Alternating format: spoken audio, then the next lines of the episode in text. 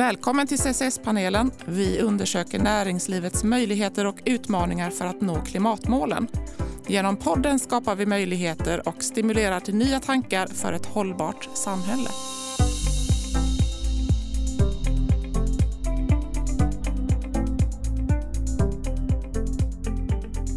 Välkommen till CCS-panelen. Jag som är programledare heter Sara Davidsson och min gäst idag är Karin Medin, VD på Söder Energi. Välkommen Karin! Tack så mycket. Hur är läget? Ja, men det är bara bra Sara. Efter omständigheterna är det jättebra. Ja, och då tänker du på covid-pandemin som fortfarande håller oss i nackskinnet. Ja. Mm. Du, vad har du eh, ägnat dig åt idag? Eller vad, vad händer den här veckan?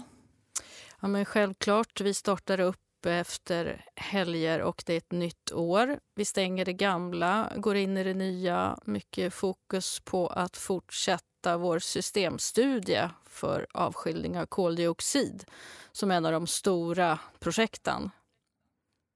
Just det, för det är ett av våra samtalsämnen idag, nämligen er satsning på koldioxidinfångning, CCS. Eh, och det passar ju bra i en podd som heter CCS-panelen. Vi ska även prata lite om eh, plastfrågan i avfall, något som du brinner för, Kating, samt eh, lokal elproduktion om vi hinner med. Vad tror du om det? Det tycker jag låter alldeles utmärkt och aktuellt. Mm. Berätta om Söderenergi och era anläggningar och verksamheter. Söderenergi är ett ett eh, energibolag, ett produktionsbolag för fjärrvärme och el som ägs av tre kommuner, Södertälje, Huddinge och Botkyrka. Och eh, vi försörjer eh, Tälje och Södertörns fjärrvärme med fjärrvärme framför allt. Och elen som produceras säljs via Nordpol och är ju väldigt viktigt för Storstockholm inte minst. Och den marknad, marknadsplatsen eh, Nordpol den är ju gemensam för åtminstone norra Europa, eller hur? Det stämmer bra. Mm. Men jag läste på er hemsida att ni också har ett samarbete, Söderenergi, Stockholm, Exergi och Norrenergi för hela Storstockholm och att det är närmare 100 anläggningar som är sammankopplade för att producera värme och el. Ja, absolut. Det är ett enormt stort sammankopplat fjärrvärmesystem där vi tillsammans med då nämnda Norrenergi och Stockholm Energi att vi producerar gemensamt och utnyttjar de anläggningar som behövs. Och sen så fördelar vi nyttan genom ett finurligt samarbetsavtal som vi har. Mm. Vi brakar rakt in i er eh, satsning med eh, koldioxidinfångning. Vad handlar det om? Ja, men dels så nyttiggör ju vi och energiomvandlar avfall från skog och samhälle. Och en väldigt, väldigt stor del av det här eh, bränslet och avfallsbränslet är ju biogent vilket gör att vi har eh, biogen koldioxid och därmed, om vi avskiljer den här koldioxiden så får vi ett positivt klimatavtryck eller negativa utsläpp eh, som vi har en eh, stor del av. Och eh, vi har sökt eh, för en förstudie som är avslutad där vi fick finansiering av Energimyndigheten för att bland annat studera förutsättningarna och potentialen. Och, eh, den studien visade att vi har en väldigt stor potential och Eh, en av de största i Sverige då. Och det var ju självklart för oss att gå vidare med det arbetet. Så just nu så har vi fått klartecken och eh, har startat upp i höstas nästa steg som är att titta mer på de tekniska förutsättningarna och välja teknik och utformning för det här, bland annat. då. Har ni nytta av eh, arbete som andra anläggningar har gjort som har gått lite före er? Ja, men självklart. Det känns ju jättebra. Det här är ju ny teknik, det är nya affärsmodeller och eh, det är ju jätteskönt att ha företag som är större än oss som går lite före. Det, det är inte alls fel. Om allt går i lås som du tänker dig, vad pratar vi om för tidplan då? När kan ni leverera negativa koldioxidutsläpp till eh, oss andra som vill köpa det? Ja, men vi sätter upp en tidplan där vår ambition att ha det här på plats före 2030. Och det kan gå, men det är naturligtvis ett antal hinder som behöver undanröjas på vägen såklart. Pratar vi för er del även om tillståndsansökningar och sådana saker? Eller kan, eh, är det här mm, inte förändringar som medför så stora ombyggnationer för er? Det är ju självklart som att bygga en helt ny, ja men som ett nytt kraftvärmeverk på plats. Så att, ja, rent tekniskt sett och vår erfarenhet är ju bra att bygga stora projekt och genomföra det. Men det jag framförallt har stora frågetecken inför det är ju finansieringsmodell, vem ska ta risken? Eh, kommer det på plats så tror jag absolut att eh, våra ägarkommuner, om vi presenterar bra underlag, är villiga att eh, gå vidare. I höstas kom ju en, ett uttalande från Energimyndigheten om omvänd auktion för eh, just som en finansiering. Alltså att eh, staten går in och eh, köper koldioxidinfångning och lagring av den som kan göra det till billigast kostnad, till lägsta pris. Vad eh, tycker du om den, det förslaget som ligger nu? jag ser väl att det är ett en möjlig väg som ju Sverige har valt. Men jag skulle ju gärna se att det kompletteras med investeringsstöd. För i det här fallet så ska man offerera, men det här är ju en möjlighet som vi som producerar fjärrvärme eh, kan erbjuda. Och ska, jag tror att det svåra är att få anläggningarna på plats, att ha finansiering för att, och investeringsstöd för att kunna bygga dem och komplettera det med ett driftstöd. Så att jag vet inte om mina ägare skulle vara villiga att investera om vi offererade ett pris per infångad koldioxid för en viss tid för det finns ju ett antal osäkerheter. Jag skulle gärna komplettera det med ett investeringsstöd. Ja, och både investeringsstöd och driftstöd har ju diskuterats av Energimyndigheten och eh, det finns ju den typen av, eh, av tankar så att säga. Så att, eh, men det är fortfarande mycket som inte är på plats. Då. Vad betyder det här för Södertälje, Karin? Har du, vad får du för reaktioner? Det är oerhört stort stöd lokalt i Södertälje där ju vi har vår huvudanläggning, Igelstaverket. För om man tittar på alla tre ägarkommunerna så är den volym som vi kan avskilja, 650 000 ton per år, skulle ju ungefär motsvara ägarkommunerna Huddinge, Botkyrka och Södertäljes samtliga växthusgasutsläpp idag. Så att mm. självklart, det här är väldigt positivt och vi möter stort eh, engagemang måste jag säga. Har du fått några reaktioner från eh, mera regionalt perspektiv eller, eller mm, globala samarbetspartners eller eh, så? Ja, men vi jobbar ju framförallt regionalt tillsammans med Södertälje hamn. Och vi har ju förmånen att ligga precis utanför. Ni som känner till att Södertälje är ju det stora inpasseringen till Mälaren och det finns en sluss, slussportar. Och vi ligger ju utanför dem och har alltså hamn och direkt access till Östersjön och har även eh, vår närmaste granne mitt emot på andra sidan. Vi har egen hamn och mitt emot så har vi stora Södertälje hamn. Och de har vi nära samarbete med och de skulle kunna fungera som en hubb för koldioxid för till exempel hela Mälar, eh, Mälarsjöområdet. Så vi har det här steget då i vår studie tillsammans med dem, bland annat. Ja, logistikmässigt så har ni ju väldigt mycket som talar för Eh, att koldioxidinfångningen skulle ske hos er. För Det blir som du säger väldigt nära ut med eh, fartygstransport då, ut till slutlagringsplatser. Ja, men det är det. Och det är en stor fördel att slippa ha med krångliga mellanlagringar och transporter på land. Så vi har ju direkt access till, till havsbaserad eh, transport. Så eh, jo då, vi har fått kontakter lite från internationella aktörer som är intresserade ta emot den koldioxid som vi kan avskilja. Mm.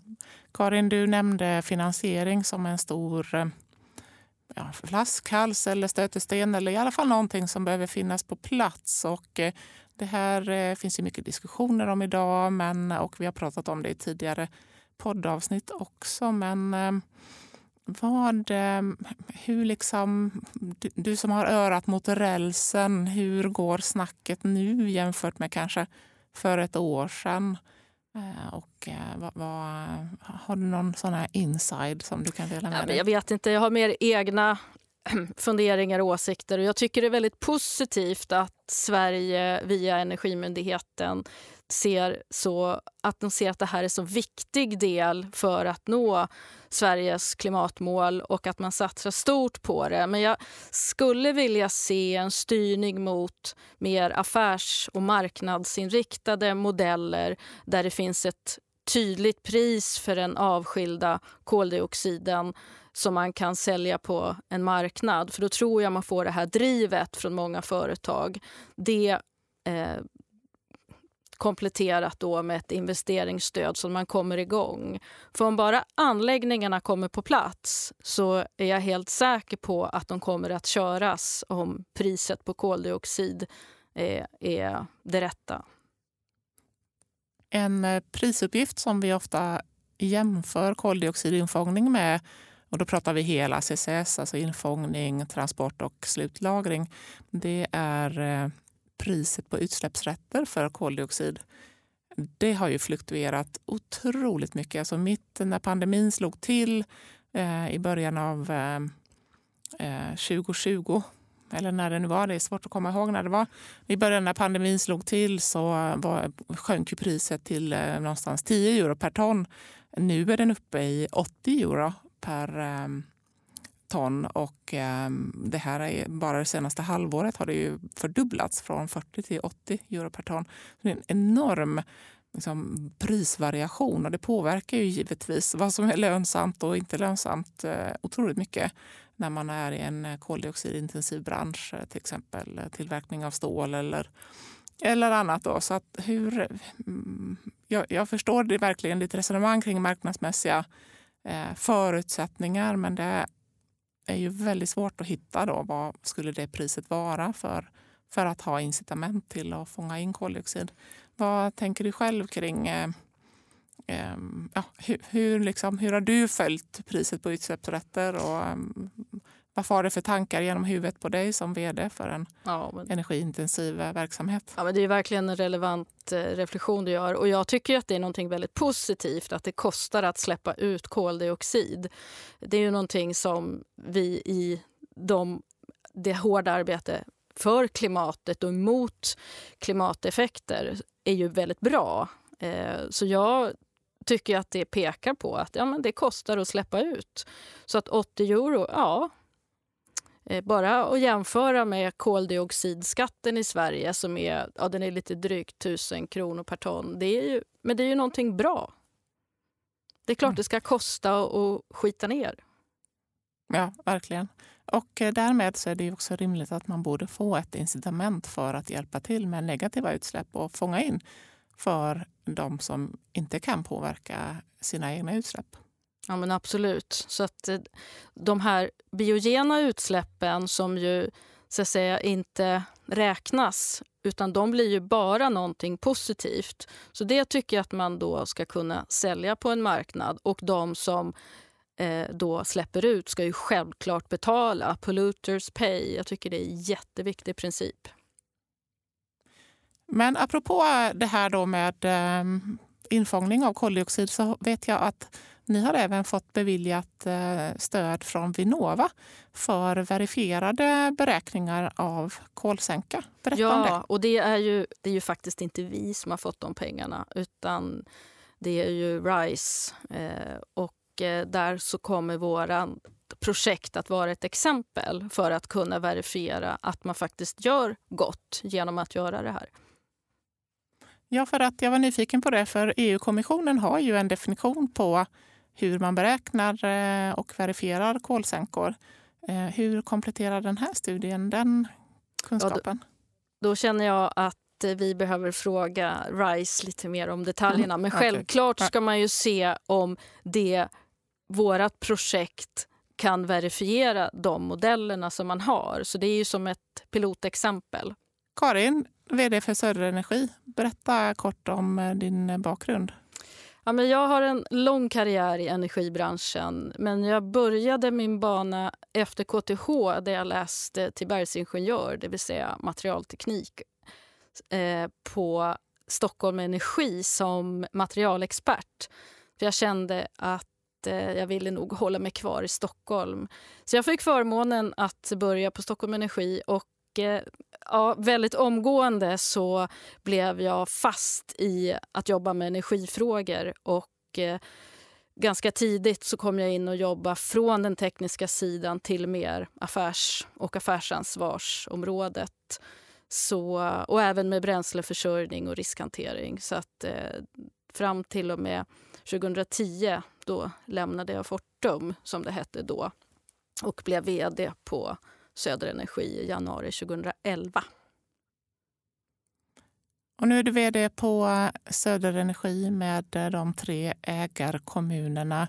Och jag gissar att de är kravställare och bemannar din styrelse bland annat. Södertäljeandan, finns den och vad är det och hur märks det i så fall? Ja, jag får nästan rysningar. Jag tycker att Södertälje är ju en stad med innovation, med industri, med stolthet. Och två stycken så stora eh, nationella, globala företag som Scania och AstraZeneca och skapar ju verkligen den här innovationsandan, tycker jag. Och också att man har lyckats eh, ja, senaste åren också utveckla... KTH har ju verksamhet i Södertälje. Så jag tycker det finns så mycket roligt och positivt med att eh, verka i Södertälje. Ge mig ett exempel. Ja, men jag tycker att Scania är ett jättebra exempel som har lyckats att eh, över tid ha en uthållig och sund både värderingar, företagskultur och även utveck snabbt utveckla nu mot eh, eldrivna lastbilar. Och AstraZeneca har ju, trots att det är ett antal år sedan där man flyttade delar av verksamheten så har man nu byggt sen sedan ett antal år en väldigt stor och ny och fin eh, läkemedelsproduktionsanläggning. Så att man satsar verkligen på Södertälje. Det tycker jag är positivt. Ja, KTH har, sin, har flera mastersutbildningar eh, även med internationell inriktning just i Södertälje. Jag tänker att det är nog ingen slump. Nej, det är ingen slump. Det tror inte jag heller. För att få till koldioxidinfångning, CCS och bio-CCS som det heter i ert fall, då krävs det ju samverkan med där många saker ska sammanfalla för att CCS ska bli verklighet i Sverige. Vi har eh, opinionen som ska tycka att det här är vettigt att lägga skattepengar på. Politiker, styrmedel ska underlätta. Finansiering har vi varit inne på.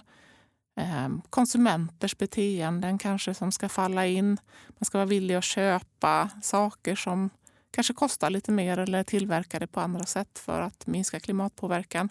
Industrin ska vara villig att eh, ägna sig åt detta och lägga massa tid och kraft på den här typen av investeringar. Karin, jag är väldigt nyfiken på dina reflektioner som eh, har jobbat med CCS-frågan nu intensivt i ungefär ett års tid. Ja, men det här det är många saker som slår en. och Bland annat att det här är ju väldigt stora investeringar som man gör för att plocka bort koldioxid ur atmosfären. Men vi måste ju själva som både, både företag, stora internationella företag, oss konsumenter, medborgare. Vi måste ju vi måste ju använda mindre resurser och själva göra ett mindre klimatavtryck. Och jag tror att den här balansgången när man tittar på sig själv. Det, ja, men jag betyder ju, det jag gör betyder så lite. Men när vi alla bestämmer oss för att ändra vårt beteende så kan ju vi tillsammans påverka väldigt mycket. Vad är den viktigaste frågan där? Eller hur tänker du kring någonting som borde få mer uppmärksamhet? Ja, men jag, vi kommer komma in kanske lite på plastfrågan, men jag, jag vet att hela, när vi nu vill sluta använda fossila drivmedel så vet jag genom SVTs, eh, den stora ja, återvinningsbluffen, den programserien att de stora oljebolagen har extremt starka drivkrafter. De vill ju inte bli av med sina inkomster så det är väl klart att de kommer att ha en ambition att fortsätta tillverka plast av fossila produkter, av fossila olja. Och jag tycker att det här då skjuter man sig själv i foten. Vi måste ju internationellt, globalt, vara överens om att det är inte den väg vi ska gå. Vi kan inte å ena sidan tycka att det är okej att använda fossil plast och å andra sidan plocka ut koldioxid ur atmosfären. Jag tycker att det är ett problem att pumpa upp samt olja samtidigt som vi ska avskilja koldioxid och pumpa ner i grannhålet på havsbotten. Det tycker jag är problematiskt på riktigt. Ja, jag håller med dig. Och eh, samtidigt så har vi ju bra initiativ. Vi har till exempel klimatledande processindustri där vi gjorde ett program med Hanna Paradis och Emma Wiesner hösten 2021 där man kan gå in och lyssna på det avsnittet nummer 17. Eh, just där också processindustrin försöker jobba med att återcirkulera plast och använda det som insatsmedel och råvara i sin produktion igen. Då. Men, men det finns en grundproblematik här i att vi använder bara mer och mer och mer plast eh, i ett globalt perspektiv och i ett svenskt perspektiv.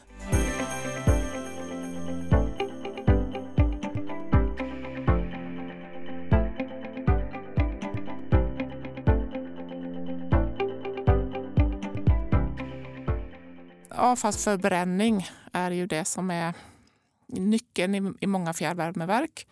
Och, eh, det är stort i Sverige. Vi har väl utbyggda fjärrvärmenät. Och vi använder ju utsorterat avfall som bränsle för att producera värme och producera el. Och eh, Ni producerar båda delarna. Och På det här sättet så undviker vi ju deponi av avfall och eh, Exempelvis deponi av plast. Det är ju förbjudet sedan länge i Sverige men i ett europeiskt och globalt perspektiv så är ju deponi fortfarande kanske den vanligaste metoden för att så att säga bli av med avfallet. Um, men plastförbränningen här det är ju ett problem ur klimatperspektiv. Hur ska, vi, hur, hur ska vi närma oss den här frågan? Jag tycker verkligen att den är svår. Och jag skulle vilja börja med att säga att, att eh, vi behöver inte plasten i fjärr och kraftvärmen men vi kan ju konstatera att plasten behöver oss ännu under lång tid. Och Det är den naiviteten jag tycker är viktigt att liksom våga lyfta på locket. Eh, det är ju generellt deponiförbud i Europa men det är så mycket undantag att det fortsatt då deponeras väldigt mycket brännbart avfall, cirka 140 miljoner ton, varav en hel del är plast, i i Europa. Och det här läcker ju klimatgaser. Eh, och det är klart att det skulle ju vara mycket bättre om, om mycket mer av avfallet återvanns. Eh, och jag hoppas och tror att vi kommer dit i en framtid som tyvärr är lite för långt bort. Och eh, det finns ju också avfall som inte kan eller bör återvinnas. Och Det är ju olyckligt om producenter av produkter fortsatt får använda fossil plast eh, eller plast med gifter. Det, in, det, finns också, som inte går att återvinna. Så att jag tycker att... Ja, men ni vill ju så gärna bränna plast. Nej, det vill vi inte. Vi behöver inte plasten och vi vill gärna förbjuda. Och på Söderenergi har vi från och med nu så mäter vi den fossila eh, andelen koldioxid. För vi tycker att den som lämnar avfall ska ta kostnaden för de här koldioxidutsläppen och ansvaret. Så att man liksom trycker motivet att sluta använda plast till rätt ställe. Så att det, det är ett problem.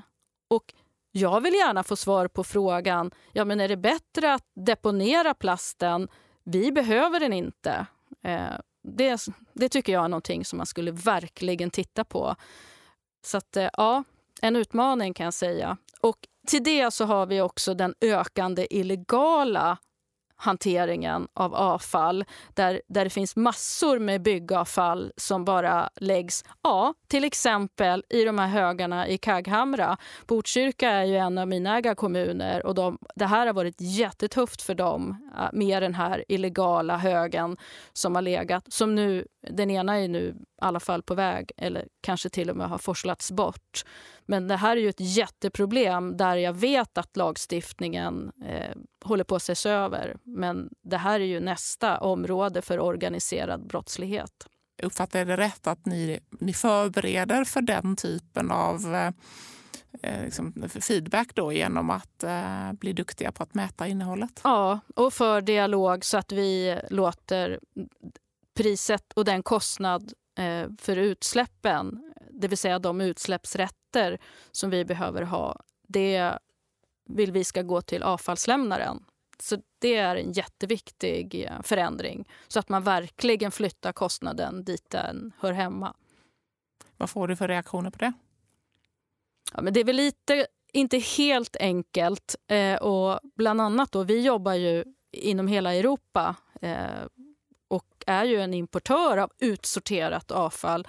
Och eh, här skulle det ju vara önskvärt om vi hade harmon harmoniserade eh, ett ETS-system, det vill säga det europeiska han handelssystemet för utsläppsrätter hanterar avfall, energiomvandling av avfall på olika sätt. Där Sverige, Danmark och Litauen inkluderar energiomvandling av avfall. Och Det tycker vi skulle vara önskvärt, vara lika för alla. Men det här är ett väldigt bra första steg. Alltså det, som, eh, det, det, du mäter och det du följer upp det är också det du kan styra på. Och eh, Det tenderar ju ofta att ja, det, är, det är lättare att förändra sådana saker. Absolut. Det är otroligt bra exempel, Karin, på att gå från, från, från snack till verkstad. Ja, och ett annat exempel som vi också gör för våra avfallskunder är ju att kunna mäta per leverantör. Dels hur mycket tungmetaller har de lämnat till oss? För tungmetaller är ju förvisso inte klimatgaser, men det är ju giftigt. Och vi vill inte ha tungmetaller i våra produkter. Och också så får de, eh, kan vi verifiera hur mycket el och värme just deras avfall har gett upphov till. Då. Så att det här är ju saker att kunna kvantifiera och kunna verkligen möta med fakta bakåt. Ja, och sen har du ju alla avfallslämnare som eh, Granitor är ju ett av tusentals eh, bolag som eh, funderar på hur ska vi kunna bli bättre på att verifiera och redovisa våra klimatpåverkande utsläpp. Och eh, det så kallade Scope 3-utsläppet, eh, där ingår ju ofta avfallshanteringen eh, nedströms. Eh, och då är det ju väldigt bra att kunna ha mer differentierade och mer eh, specifika eh, mätetal. Ja, att kunna välja. Vem är bäst på att ta hand om mitt avfall? Eller hur? Och då menar vi inte vem gör det billigast och så hamnar det någonstans i eh, något land långt bort. På en Nej, hög. Precis, för du, ja, eller för den delen på en svensk åker. Absolut. Vad är din vision när det gäller plast en jättesvår fråga, Karin. Men, eh, att det inte finns någon. Inte, att det inte finns någon fossil plast alls. Och att den plast som nytillverkas kommer från förnybara källor. Och att, den, eh, att man liksom också via till exempel att, att bygga koldioxidavskiljningsanläggningar i anläggningar som våran, där vi har hittills i alla fall en viss plastandel, då tar vi ju hand om dem av bara farten. Så de elimineras. De ska ju kostar ju naturligtvis att ta hand om. Men det kanske är det bästa för klimatet att energiomvandling av avfall och plast som inte kan eller bör återvinnas. För hur det nu är, är det så att vi når en fantastisk återvinningsgrad så kommer det under en ganska lång tid fortsatt finnas plast med gifter i, med svårighet produkter som är av laminat och de är svåra att dela upp och återvinna. Ja, det kanske är bättre att energiåtervinna dem. Men det ska liksom framgå att det är okej okay att vi gör det. Ja, det finns kompositer och annat också som Vi, vi använder ganska stora mängder i vår infrastruktur eh, runt om när vi bygger olika saker. Ja, det gör ju det. Mm. Ja, en bra vision att tänka att eh, fossila bränslen överhuvudtaget inte ska gå in i plastproduktionen. Jag tänker att det kan vara svårt att nå dit eller i alla fall ta en stund. Men samtidigt så blir jag väldigt inspirerad när jag hör talas om eh, innovativa sätt att till exempel tillverka cement och betong som man eh, hör på nyheterna om och eh, andra innovativa metoder. Jag tänker också på just det här med när avfall blir, blir en, en resurs. Att eh, eh, få mer och mer utsorterat för jag slås av hur lite faktiskt som sorteras och hur mycket osorterat avfall som kommer till eh, era förbränningsanläggningar. Nu har inte och, eh, vi på Södra Energi har inte något osorterat avfall överhuvudtaget. Vi tar bara emot det som är sorterat och som inte går att återvinna idag. Så vi, vi ser att vi har en anläggning för framtiden. Vi har redan det på plats, men vi har ju många som har osorterat avfall av branschkollegorna. Och här tror jag att det finns ett arbete och som jag vet att också pågår. Och hur har ni kommit till det steget? Vad har ni tagit för beslut? För Man kan väl säga att det har varit historiskt lyckosamma beslut. Eh, på 90-talet, tidigt 90-tal när eh, svenska staten beslutade att införa koldioxidskatter så var Igelstaverket eh, 100% koleldat, invigt av Birgitta Dahl på 80-talet att det här var framtiden. Och eh, det blev inte alls så lång tid, utan tio år knappt. Och sen så med koldioxidskatternas eh, införande så, som verkligen styrde rätt. Så på sex år var kolet borta och ersatt av då utsorterat trä och utsorterat avfall utan att man för den skull gjorde jättestora förändringar i anläggningen. Utan med åren så byggde man om en hel del men det är fortfarande i grunden på gamla verket, de gamla kolpannorna som är moderniserade på många sätt och uppfyller, har jättefina eh, tekniska prestanda. Eh, och till det då så har vi för drygt tio år sedan byggt ett stort kraftvärmeverk, en stor panna som också energiomvandlar avfall från skogen och eh, industri. Så att vi, vi har liksom idag kan vi konstatera att de strategiska besluten var rätt. Eh, men då så var de de mest fördelaktiga. Och jag vet att det ringde en eh, tidigare miljöchef till mig som var chef där på 90-talet i miljöfrågor där han var så glad, där vi ser att vi gör en miljötjänst genom att nyttiggöra avfall som inte kan eller bör återvinnas. Men, men, men man såg inte riktigt det på samma sätt på 90-talet. Han gjorde det, men han, han, det var ju liksom en lycklig slump på något sätt att vi, att vi har en... Idag är det en tydlig strategi, men våra föregångare har gjort ett jättefint arbete. Det kan jag säga. Mm. Har du fler såna liksom, defining moments kring eh, strategiska beslut som har tagits? Eller det kan ju vara styrmedel som du nämner här som införs som eh, koldioxidskatten som, som gör att man eh, ändrar inriktning. Finns det fler sådana exempel som du har kunnat följa i din karriär? Ja, men jag är otroligt stolt över mina medarbetare och de som också jobbade på 90-talet på Södra Energi. För ingenting var omöjligt. Det som är omöjligt tar bara lite längre tid. Den devisen tycker jag funkar så bra för mina medarbetare. För att kunna energiomvandla utsorterat avfall som är jättetufft är, är det kräver mycket av många. Det är en ganska tuff industri där vi jobbar självklart mycket med, med arbetsmiljö och säkerhet. Men det, det är mycket jobb för eh, mekaniskt underhåll och eh, kräver mycket av vår driftpersonal, det måste jag säga. Eh, men ett annat sånt där riktigt smart var när man faktiskt byggde den här riktigt gamla värmeverket och skulle liksom försörja Södertälje med, med, med omnejd med fjärrvärme var att man valde att att investera i den absolut bästa rökgasreningen som, som fanns. Och den har ju vi nytta av fortfarande. Det är ju självklart moderniserat och uppgraderat men man valde liksom den absolut senaste tekniken då. Och det var ju också en möjliggörare för, för det vi gör idag.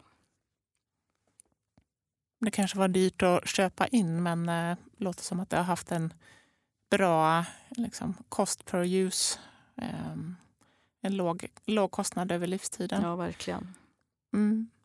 Jag, jag slås av när du pratar. Jag tänker två saker. Dels att eh, det finns också en debatt om nationella särregler och eh, att eh, det finns starka röster för att vi givetvis ska ha så mycket som möjligt gemensamt med EU. Men det gör ju också att eh, det kanske dröjer längre för att vi måste kompromissa med fler innan vi får förändringar. Samtidigt så är ju eran elproduktion på en europeisk eh, marknadsplats så att eh, du är redan en del av en europeisk produktion och, och eh, konsumtion. Men samtidigt så är ju många av de saker som eh, införs eh, kanske skapar mycket frustration och vi agiterar runt det när det sker. Men du vittnar ju också om att den här koldioxidskatten ledde till snabba beslut på Igestaverket som ju du har nytta av än idag. Vad tänker du när jag säger så? Jo, men så är det ju. Det finns ju naturligtvis många pålagor som är jätte... Självklart styr bra, är viktiga att ha men som medför en massa administration. Men samtidigt så blir ju man tänker sig hållbarhetskriterier. Vi har också andra regelverk som har införts. Eh, det kommer ju några då och då. Och att vi självklart har väldigt strikt tillsyn av så att vi uppfyller våra miljötillstånd. Jag tycker det är någonting väldigt bra för då kan vi visa att vi gör rätt. Eh, och det viktiga är ju att vi inom EU eh, att det är lika för alla så att inte man på nationell nivå tolkar lite olika. Och så är det ju idag och det tycker jag är olyckligt. Så det vill jag att vi jobbar att vi från svenskt håll jobbar så mycket som möjligt med. För att vi, vi jobbar ju på en europeisk marknad och ibland ännu större. Och Då är det ju viktigt att det är lika spelregler för alla. För klimatet känner inga gränser. Det tycker jag är någonting som man lätt glömmer bort och sätter små bubblor över kanske städer och regioner. Och Det kan man väl göra, men man måste tänka större också.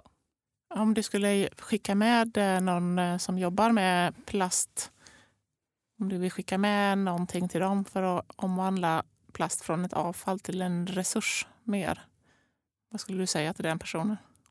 Ja, men det, jag skulle ju vilja att man, att man täpper till hålen och eh, skärper regelverk hur man får använda fossilplast i produkter. Det tycker jag att man måste liksom börja där.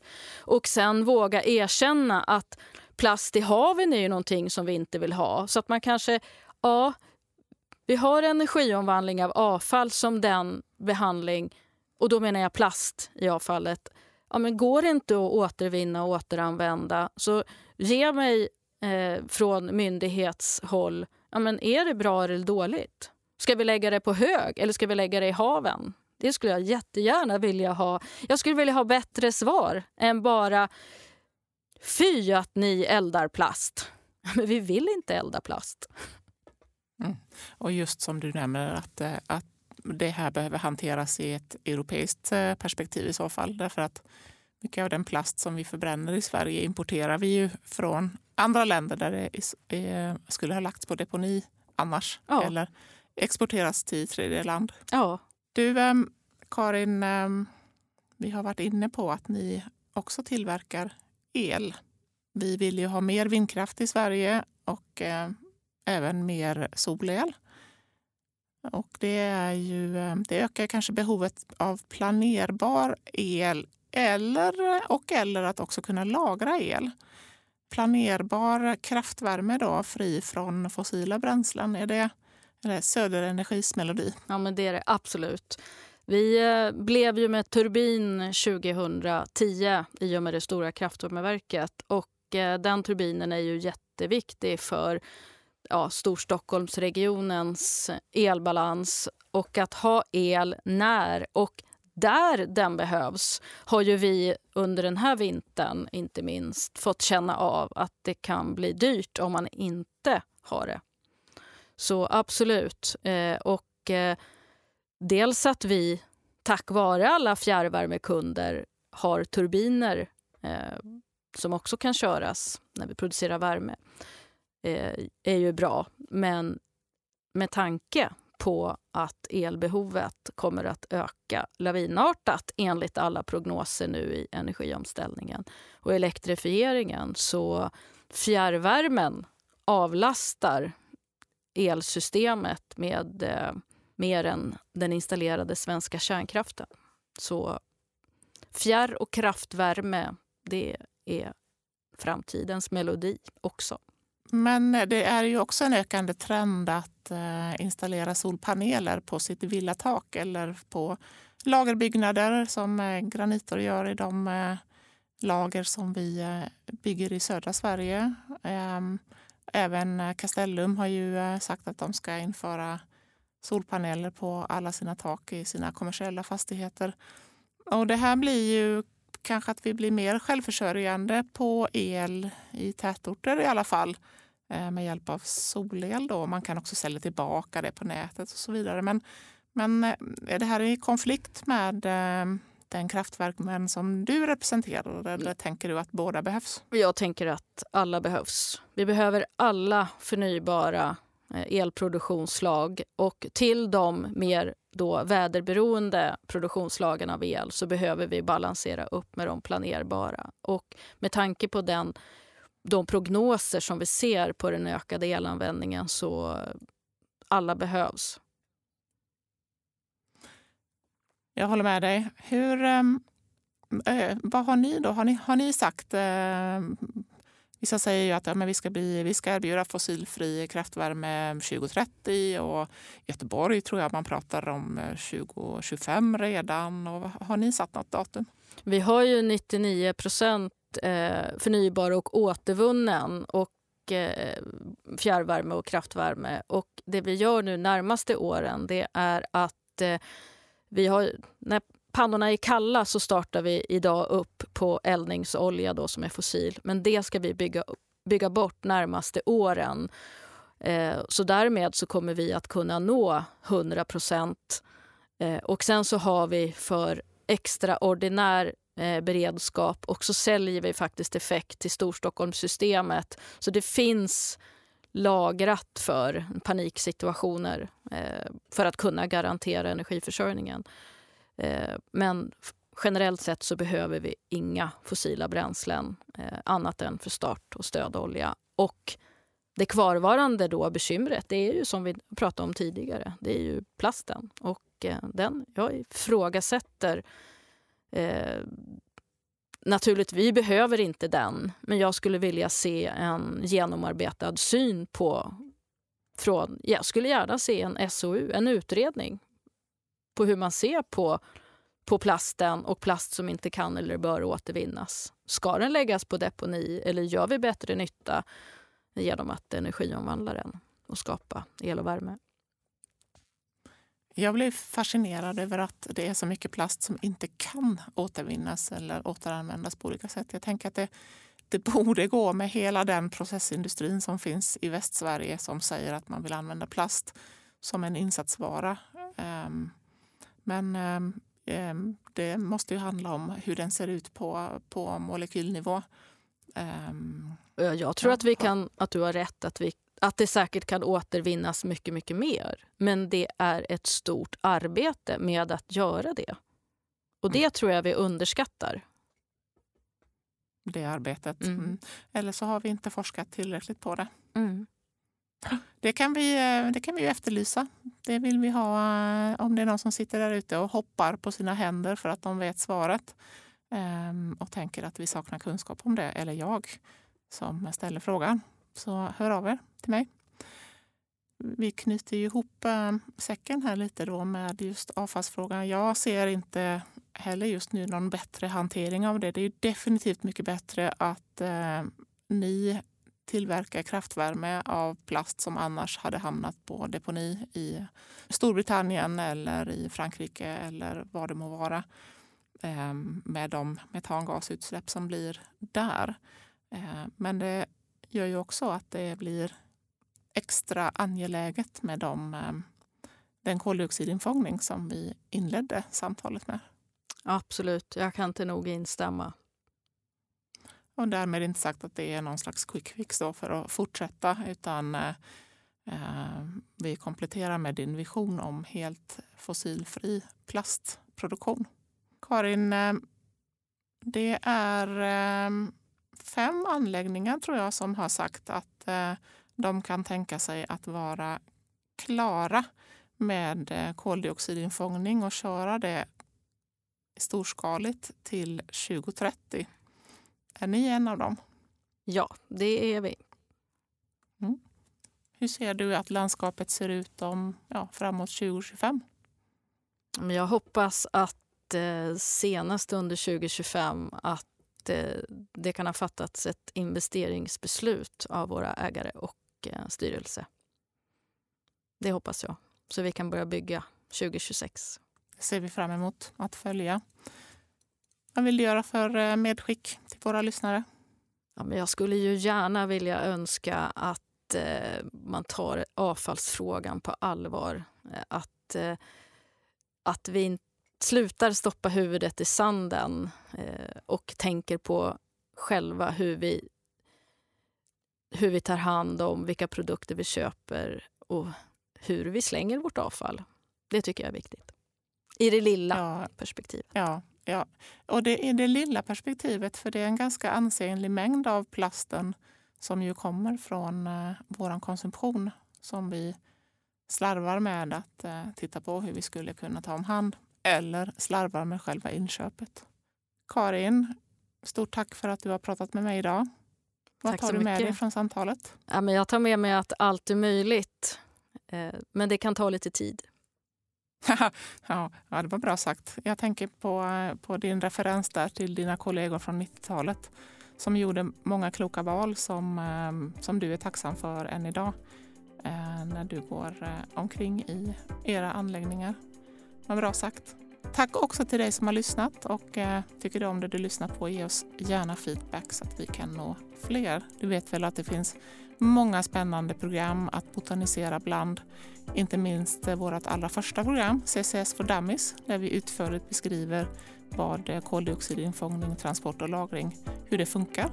Och även avsnitt eh, nummer två med professor Filip Jonsson som utförligt beskriver finansieringsmodeller och vi pratar affärsmodeller kring koldioxidinfångning. Tack för idag!